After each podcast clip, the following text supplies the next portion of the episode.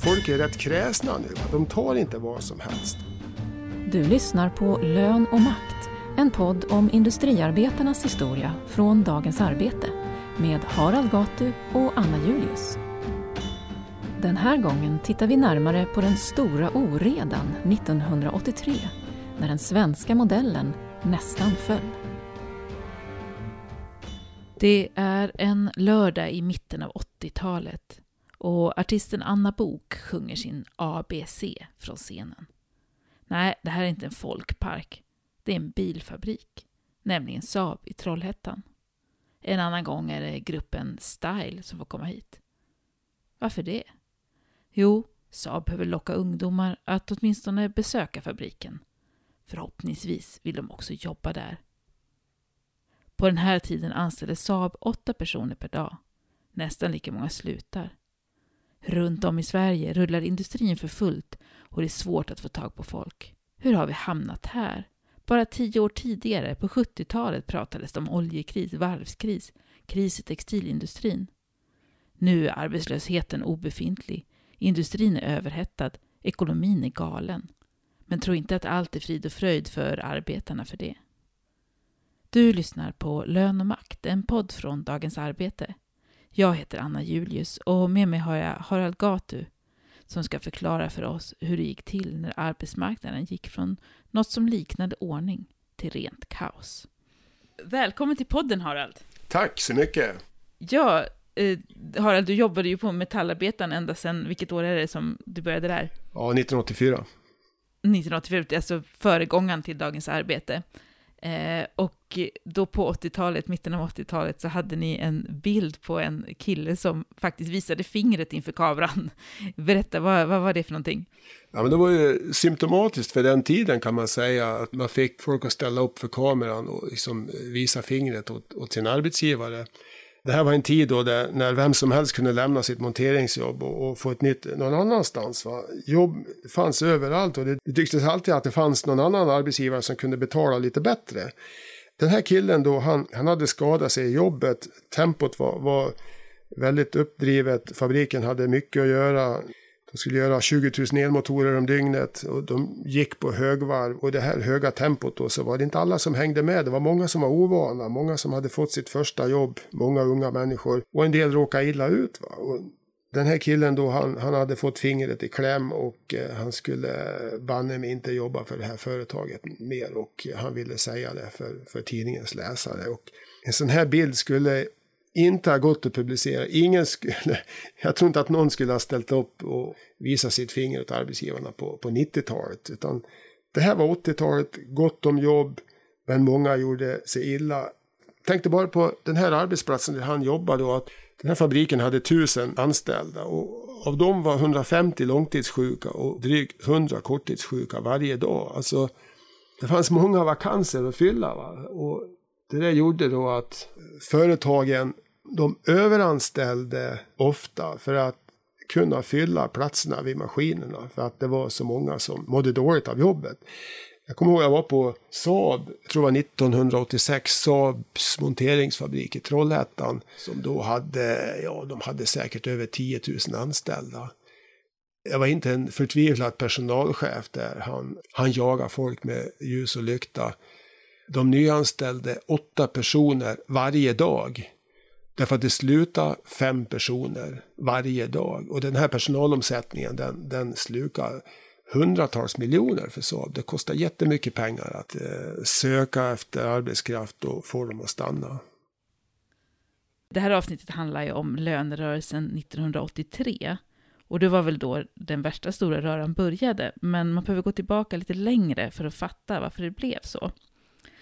Vi sa i förra avsnittet så pratade vi om ordningen efter 1945 och arbetsgivarna och facket har förhandlat löner centralt ända sedan 50-talet.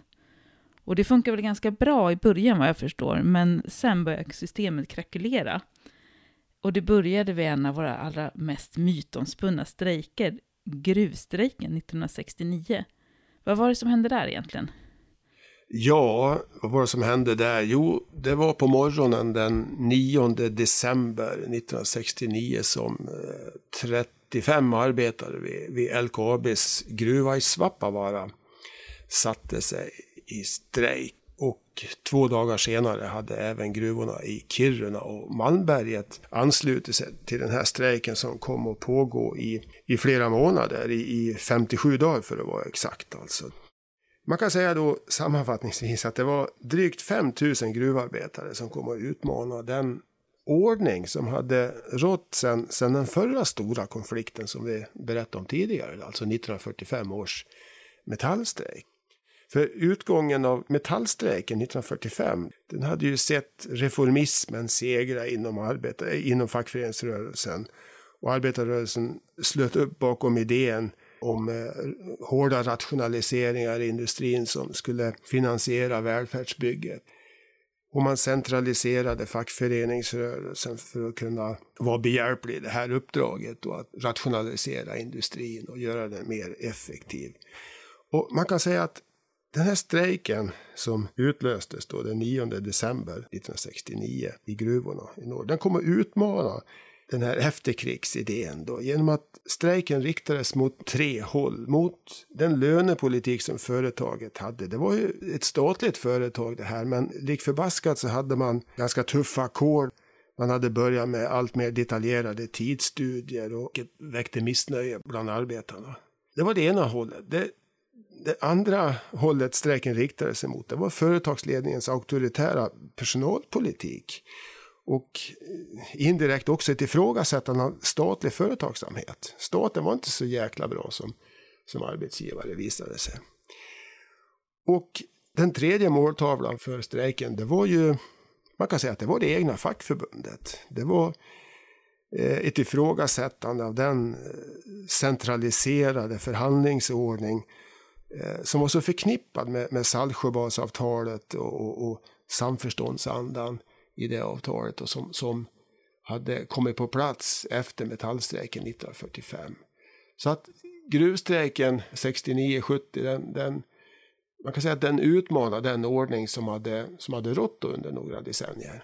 Och strejken innebar också en, en slags legitimitetskris för hela efterkrigsmodellen och som framförallt tvingade LO att, att tänka i nya banor, att återta initiativet.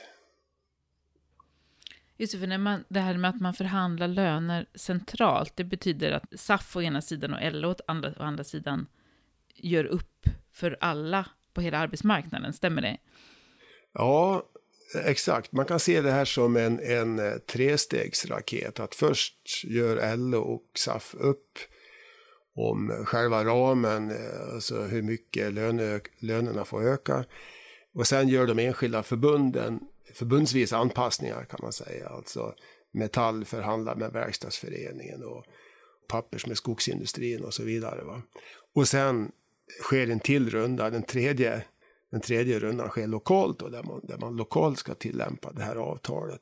Från början var det här arbetsgivarnas initiativ. De ville ha koll på kostnadsökningarna på 50-talet. Därför att på 50-talet var det ganska hög inflation och de ville liksom få, få bukt med prisökningarna. Och den här ordningen passade inte bara arbetsgivarna, den passade också fackföreningsrörelsen. Därför att med den här centraliserade ordningen så kunde man genomdriva sin eh, solidariska lönepolitik och man kunde genomdriva låglönesatsningar och man kunde ta bort kvinnolönerna i avtalen. Så att det var en modell som, som passade bägge parter kan man säga. Skälet till att arbetsgivarna ville överge den här modellen då på, på 70-talet, det var att man tyckte det blev för dyrt. Man tyckte att facket tog för sig för, för varje steg i den här trestegsmodellen. Man ville ta bort den här översta nivån. SAF ville inte förhandla med LO om lönerna. Utan det skulle helst tryckas ner till det enskilda företaget. Så att, eh, och det är där vi hamnar på 80-talet alltså. Mm. Just det, för det hände ju en del andra saker under 70-talet som påverkar relationerna där med att politikerna började göra sånt som de hade hållit sig ifrån. Att de hade, I Saltsjöbadsandan så skulle de inte lägga sig i, i arbetsmarknaden, utan parterna skulle sköta det men så fick vi då ändå på 70-talet fick vi lagar som lagen om anställningsskydd och arbetsmiljölagen, medbestämmandelagen och sådär. Hur, hur, liksom, hur var relationerna mellan fack och arbetsgivare där när vi kom in i 80-talet? Ja, det här var ju en utveckling som arbetsgivarna starkt ogillade. För hela den här lagstiftningsoffensiven som hade kommit på 70-talet med, med lagen om anställningsskydd och så vidare. Den hade ju stärkt, eh, inte minst det lokala facket. Och eh, det blev ju, facket blev en, en, en eh, tuffare motståndare kan man säga när, när arbetsgivarna skulle göra upp om, om löner och eh, andra villkor. Så att eh, det är klart att det här var, var knepigt för arbetsgivarna. Men man ska också komma ihåg att det här sammanföll med, med flera andra saker.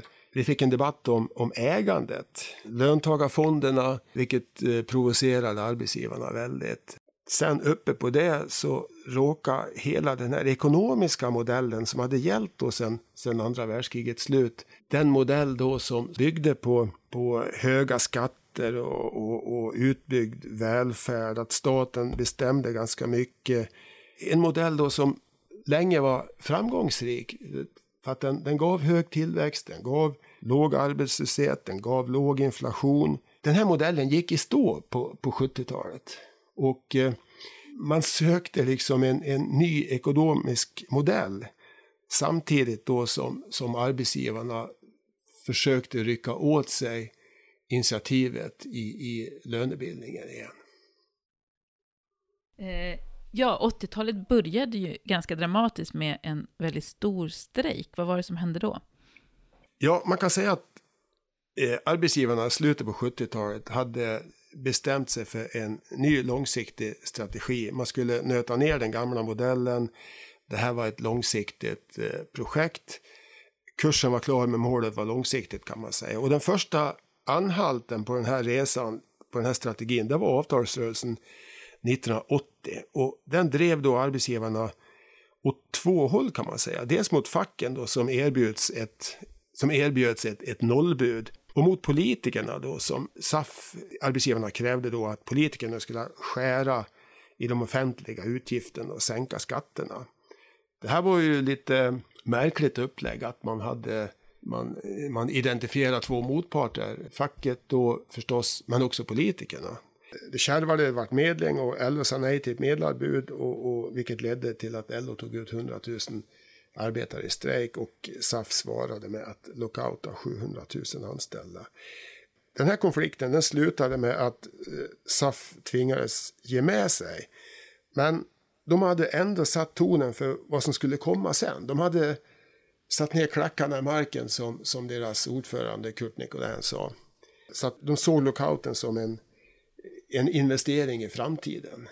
De hade markerat sin, sin vilja, sin inriktning Eh, sin makt och eh, det skulle rulla vidare sen på 80-talet. För det stundade en ny avtalsrörelse 1983 och då skulle arbetsgivarna göra allvar med att luckra upp den här centraliseringen av förhandlingarna. Man ville ta bort LO-SAF-nivån och låta förbunden i första hand besluta om lönenivåerna. Och eh, de såg till att, alltså de mest ivriga i det här, det var verkstadsindustrins arbetsgivare. Eh, idag heter de Teknikföretagen, då heter de Verkstadsföreningen. Och de kom och agna ett eh, fett byte eh, som eh, Metall högg på och eh, som i praktiken då gjorde slut på samordningen så som vi hade känt den sedan 50-talet. Vi, vi, kan återkomma till det där med det feta bytet där. Jag tänker, för det har hänt någonting annat här också. 1982 så är det ju val i Sverige och Eh, Socialdemokraterna tar över efter de borgerliga. Olof Palme blir statsminister. Och då har de ju ett sätt att möta den här ekonomiska krisen. De har liksom ett eh, åtgärdspaket där. Kan du berätta om det lite? Ja, man kallar, man kallar det här för den tredje vägens politik. Och den gick ut på att man skulle öka vinster och investeringar i industrin så att man skulle få fart på ekonomin få ner arbetslösheten. Det var ju så att i slutet på 70-talet, från 1976 till, till eh, 82 så, så föll investeringarna i industrin med över 40 procent.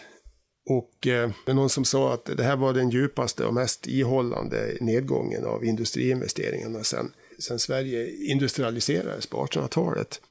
Och att investeringarna i industrin föll, det berodde till stor del på att de som satt på pengar, de tyckte det var mer lönsamt att låna ut till staten. För staten gick back, staten behövde låna och då lånar man av privata investerare. Men då måste man erbjuda en ränta och den räntan var ganska hög.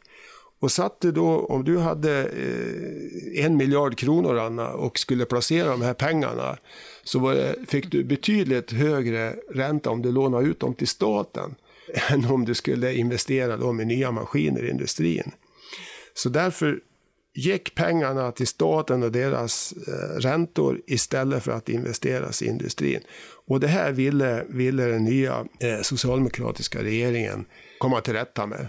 1982. Ja, ja. Fråga, det var lite investering, men vad, hur påverkar det industrin? Varför blir det ett problem när ja, investeringarna sjunker? Precis. Det blir ett problem därför att effektiviteten avtar. När du inte kan investera i nya maskiner så får du också svårare att konkurrera på, på världsmarknaden. Man måste modernisera hela tiden och eh, det kostar pengar. Och får man inte då sådana här moderniseringar, får man inte nya maskiner så ja, det är klart att man, man kan inte göra de grejer som efterfrågas på, på, på världsmarknaden och därför hamnar man på efterkälken. Just det, och vad, vad gjorde regeringen då, då? För regeringen ville komma till rätta med de här sjunkande investeringarna. Vad, vad gjorde man för att göra någonting åt det? I princip så satte man en, en stor röd realapp på svenska industrivaror, på svenska exportvaror.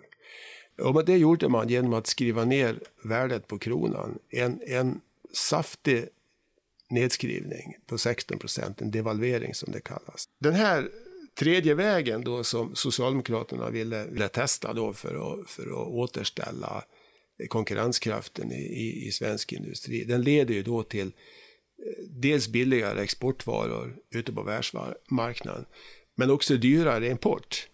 Och dyrare import, det leder till ökad inflation, ökade pris, stigande priser och för att eh, dämpa inflationen så måste regeringen ha hjälp från, från arbetsmarknadens parter, speciellt fackförbunden. Så, och regeringen måste förlita sig på att facken inte ställer för tuffa lönekrav. Och man kan säga då att fackförbunds, eh, fackföreningsrörelsen ställde upp på den här tredje vägen. Därför att de såg ju, de hade ju sett de sjunkande industriinvesteringarna. De hade sett den, den höga arbetslösheten på början på 80-talet. Den var så hög som 3 procent. Det utlöste nästan eh, politiska kriser förr i världen arbetslösheten steg upp mot 3 procent. Ja, det är ju superlite med dagens mått. Men... Ja, visst. Det är bra mycket mindre. Mm. Facken ställde upp på den här modellen därför att de hoppades att det skulle ge investeringar och nya jobb. För är det någonting som som arbetarrörelsen har lärt sig i Sverige, det är att hög arbetslöshet, den, den försvagar den fackliga styrkan. Ska vi kunna ställa krav på högre löner, på bättre jobb, på bättre villkor, så är det bra om arbetslösheten är låg, att det finns gott om jobb. Men det låter ju som någonting som inte borde vara sådär jättepopulärt för de som jobbar, att de märker att visserligen kan man exportera mer när man devalverar och allt som tillverkas i Sverige blir billigare utomlands. Men det blir också dyrare för att, eh, att importen blir dyrare, allt som man importerar. Saker blir dyrare, men man ska ändå inte få högre löneökningar. Vad, vad tyckte folk om det? Alltså det här satte ju de lokala fackliga företrädarna i en mycket svår sits. För de ville föra ut förbundens politik då förstås, att, att vi måste hålla igen här samtidigt som, som företagen gick bra. Va? Så att, det var ju många som vittnade på den tiden då att, att eh, det var knepigt att vara facklig företrädare på verkstadsgolvet. Det var någon som sa här att, att ja, snart är det skottpengar på oss som, som jobbar fackligt. Förr var det väldigt lätt att få, få folk att ställa upp som kontaktombud, men, men nu är det tvärstopp. Och vi fackligt aktiva, vi befinner oss mellan knytnäven och väggen, hette det. Eh, det var en som sa det, han jobbar på Volvo nere i Kalmar, en, en eh, klubbordförande. För samtidigt då såg man då att andra grupper tog för sig, eh, som man tyckte då, eh, poliser och, och, lärare som fick igenom bättre avtal då, eh, som man tyckte. Va? Eller om det var eh, byggnadsarbetare som tjänar betydligt mer än om man monterar ihop en Volvo. Men samtidigt då hade ju företagen pengar. Va? Arbetsgivarna hade inte så mycket pengar att fördela i förhandlingarna, men de hade, de hade pengar att fördela utanför avtalet kan man säga.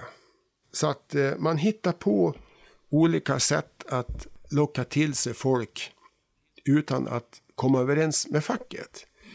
Det fanns någonting som hette konvertibler, det fanns eh, olika typer av bonusar, det fanns eh, vinstdelning, det fanns olika sätt att, att ge de anställda pengar utan att facket fick vara med och förhandla om, om fördelningen.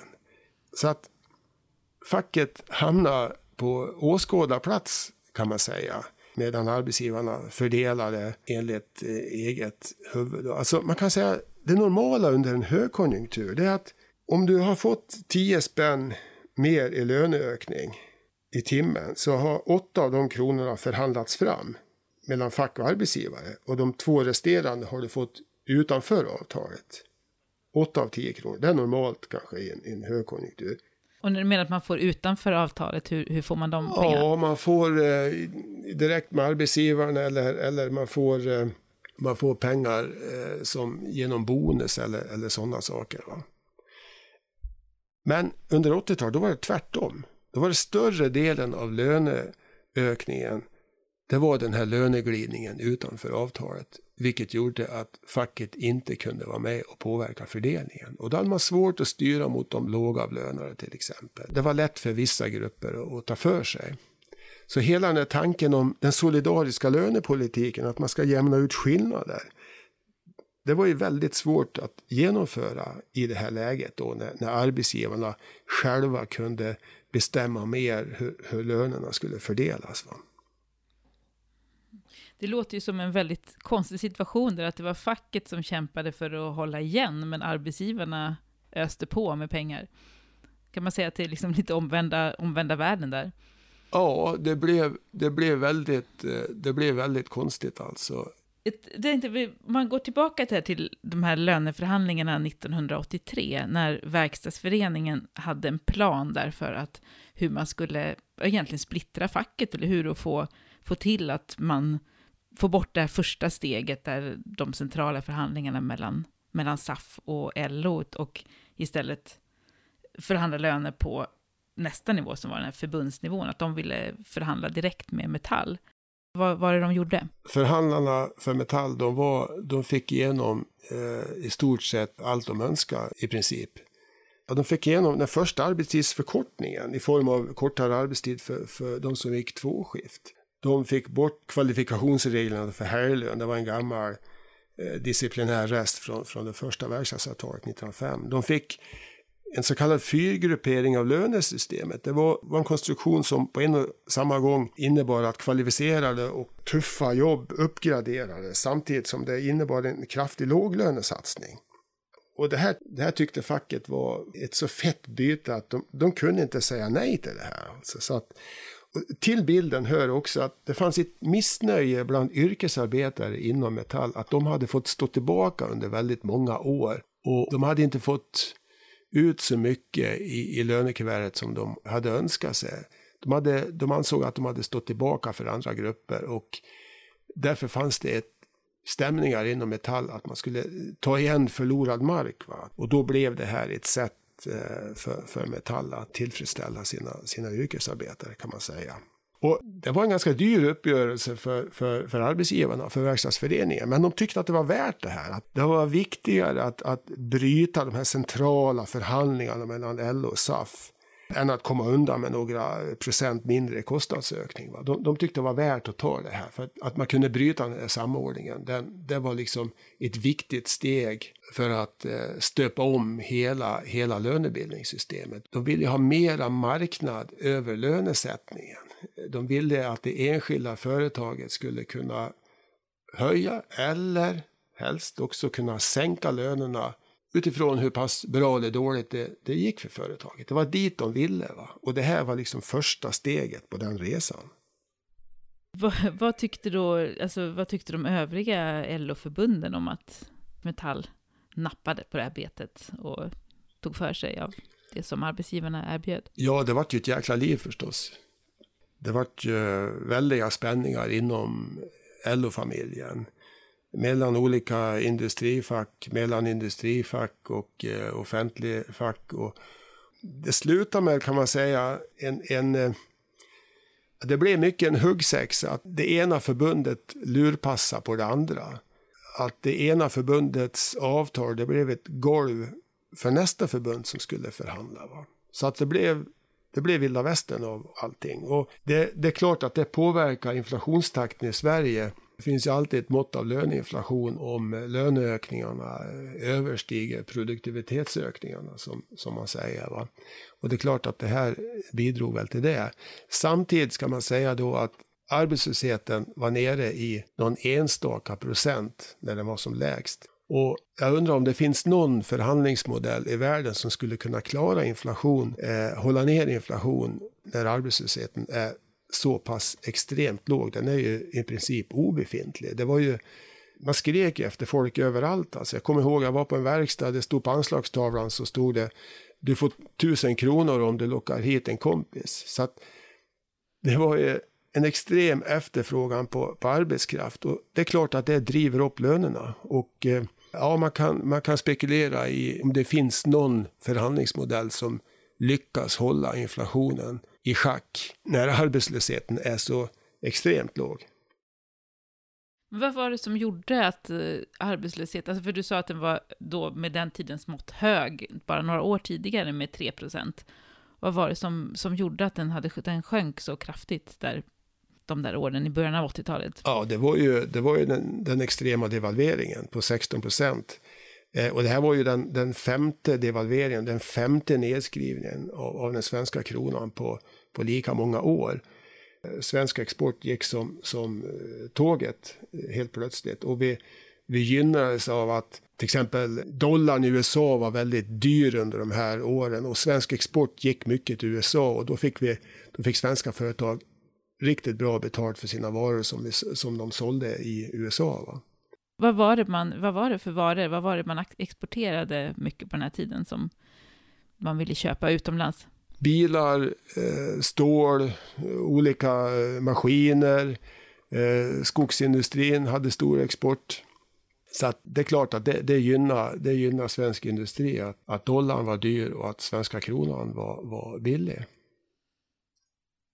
Eh, du har ju sagt förut här att låg arbetslöshet brukar vara jättebra för facket, för då har man en mycket starkare position att förhandla gentemot arbetsgivarna. Men eh, det, det här verkar ju mest som det bara är kaos. Liksom var, var det inget bra för facket med, med den här låga arbetslösheten? Och när man bjöd, bjöd över varandra om arbetskraften? Jo då, alltså det, det fanns ju fördelar naturligtvis. I det här läget då kunde, kunde ju facket ställa krav på bättre jobb. Därför att om företag ville anställa folk och de inte fick folk dit så kunde ju facket säga, säga så här att ja men du som arbetsgivare, du måste ju locka med bättre jobb. Det kan inte vara på det här viset. Vi har ju mycket förslitningsskador och, och högt tempo. Du måste, du måste liksom locka med, an, med ett annat jobb för att få hit folk. Folk är rätt kräsna nu. Va? De tar inte vad som helst. Och det här gav ju facket ett förhandlingsutrymme mot företagen att göra, göra jobben bättre, att få en mänskligare arbetsorganisation och, och mer inflytande. Det är ju då som, som Metall då kommer med sin idé om det goda arbetet och sen var det andra fack och fabrik som, som börjar med det utvecklande arbetet för att eh, göra jobben bättre. Och fackets krav på det goda arbetet, det fick också genomslag väldigt konkret när när Volvo skulle bygga sin nya fabrik i Uddevalla, där man försökte sig på ett, ett mänskligare sätt att, att montera bilar. Montörerna fick bygga hela bilar istället för att stå vid ett löpande band. Och regeringen de, de gjorde fackets eh, idéer till sina när de tillsatte en, en så kallad arbetsmiljökommission för att komma till rätta med de här problemen. För att vad man såg då på 70-talet, eller på, på 80-talet, det var ju att många i industrin for illa i det här höga tempot. Det var ju nu som belastningsskadorna började uppmärksammas. Det var ju väldigt uppdrivet tempo i industrin. Och det var ju många ovana eh, som tog plats vid maskinerna. Och, och arbetsmiljön var i många stycken eftersatt. Och i den här superkonjunkturen då på 80-talet så, så såg man hur man såg hur ungdomar kunde förtidspensioneras av, av arbetsolyckor och förslitningsskador. Och oftast var det kvinnor, många unga kvinnor som, som drabbades eftersom de hänvisades till de mest monotona arbetsuppgifterna. Hade man då jobbat på Töcksfors verkstadsaktiebolag och gjort kablage till, till bilindustrin hade man jobbat där i fem år så kunde man som 30-åring vara försliten av, av, av all montering. Att man inte längre kunde sova på mage, inte ligga på rygg och läsa, inte plocka bär, inte sticka, inte skala potatis, inte putsa fönster. Det fanns många sådana här exempel. Va? Men, men blev, blev arbetsmiljön bättre då under 80-talet? Alltså man påbörjade väldigt mycket arbete och eh, man kan väl säga att eh, fackets ord vägde ganska tungt där. För att eh, det fanns många exempel på där man började eh, omvandla arbetsplatserna med ökat inflytande för de anställda. Så minskar också personalomsättningen och eh, man kanske också ökar produktiviteten, vilket var väldigt viktigt för företagen. Men det här marschen mot det goda arbetet, det, det fick sig en knäck eh, i och med krisen i början på 90-talet. Men det är en annan Just historia. Det. Mm. Ja, det kommer vi till nästa gång. Ja. Men hur, hur, gick det med lönerna nu då efter det här, äh, den här avtalsrörelsen 1983 där det faktiskt blev, ja, då var, fanns det ju löneökningar med i paketet där, men vad hände sen under med inflation och löneökningar? Ja, lönerna ökade, men problemet var att inflationen ökade ännu mer. Så det blev ingenting kvar i plånboken. Jag menar, säg att du har fått eh, 5 i avtalen och så är inflationen eh, eh, nästan det dubbla. Va? Det blir ingenting kvar. Och så var det under en stor del av 80-talet. Att, att inflationen var högre än löneökningen. Och eh, därmed så, så sjönk reallönen. Fanns det fortfarande liksom kravpress på facket att hålla igen om lön, med löneökningarna? Ja, absolut. Det blev ju, men det blev ju svårare och svårare. För samtidigt ville också regeringen bromsa den här ekonomiska, den här superkonjunkturen. För man såg ju att inflationen i Sverige var betydligt högre än, än i konkurrentländerna. Och det gjorde ju att svenska exportvaror började bli dyrare än omvärlden. Så att man höll på att eh, prissätta sig ur, ur marknaden som man säger. Va? Och därför ville ju regeringen försöka bromsa den här inflationsutvecklingen. Man ville strama åt ekonomin, man ville kyla ner ekonomin som man sa genom eh, höja moms och sånt där. Men det, Stig Malm, LOs ordförande, han, han stod på första maj 1989 och sa att eh, det ska inte vara någon momshöjning här utan det, vi ska ha reallönehöjningar istället. Så att det, det blev en, en eskalerande konflikt mellan regeringen och eh, stora delar av fackföreningsrörelsen.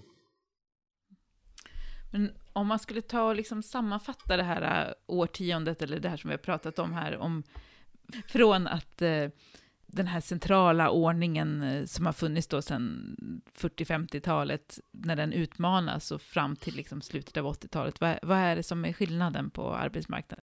Väldigt låg arbetslöshet och väldigt höga vinster för företagen. Och en fackföreningsrörelse som kläms från olika håll Dels från regeringen som förväntade sig att facket skulle ställa upp på den här politiken med högre vinster och lägre lönekrav. Och dels från arbetsgivarna som inte hade något intresse av att behålla den här centraliserade Saltsjöbadsmodellen utan drev mot att göra mera marknad av arbetsmarknaden. Och inför det trycket så, så kan man säga att den, den fackliga samordningen, den rasade samman. Den fick sig en ordentlig knäck. Ja, nej, men då har vi ju faktiskt eh, gått igenom hela 80-talet här. Men eh, tack så mycket för det här. Tack själv. Ja, i nästa avsnitt pratar vi om 90-talet. Det var på den tiden räntan blev 500 procent. Bankerna kallade sig låneshoppar och arbetsgivarna ville avskaffa löneökningarna för gott. Du har lyssnat på Lön och makt, en podd från Dagens Arbete med Harald Gatu och Anna Julius. Fler avsnitt hittar du där poddar finns.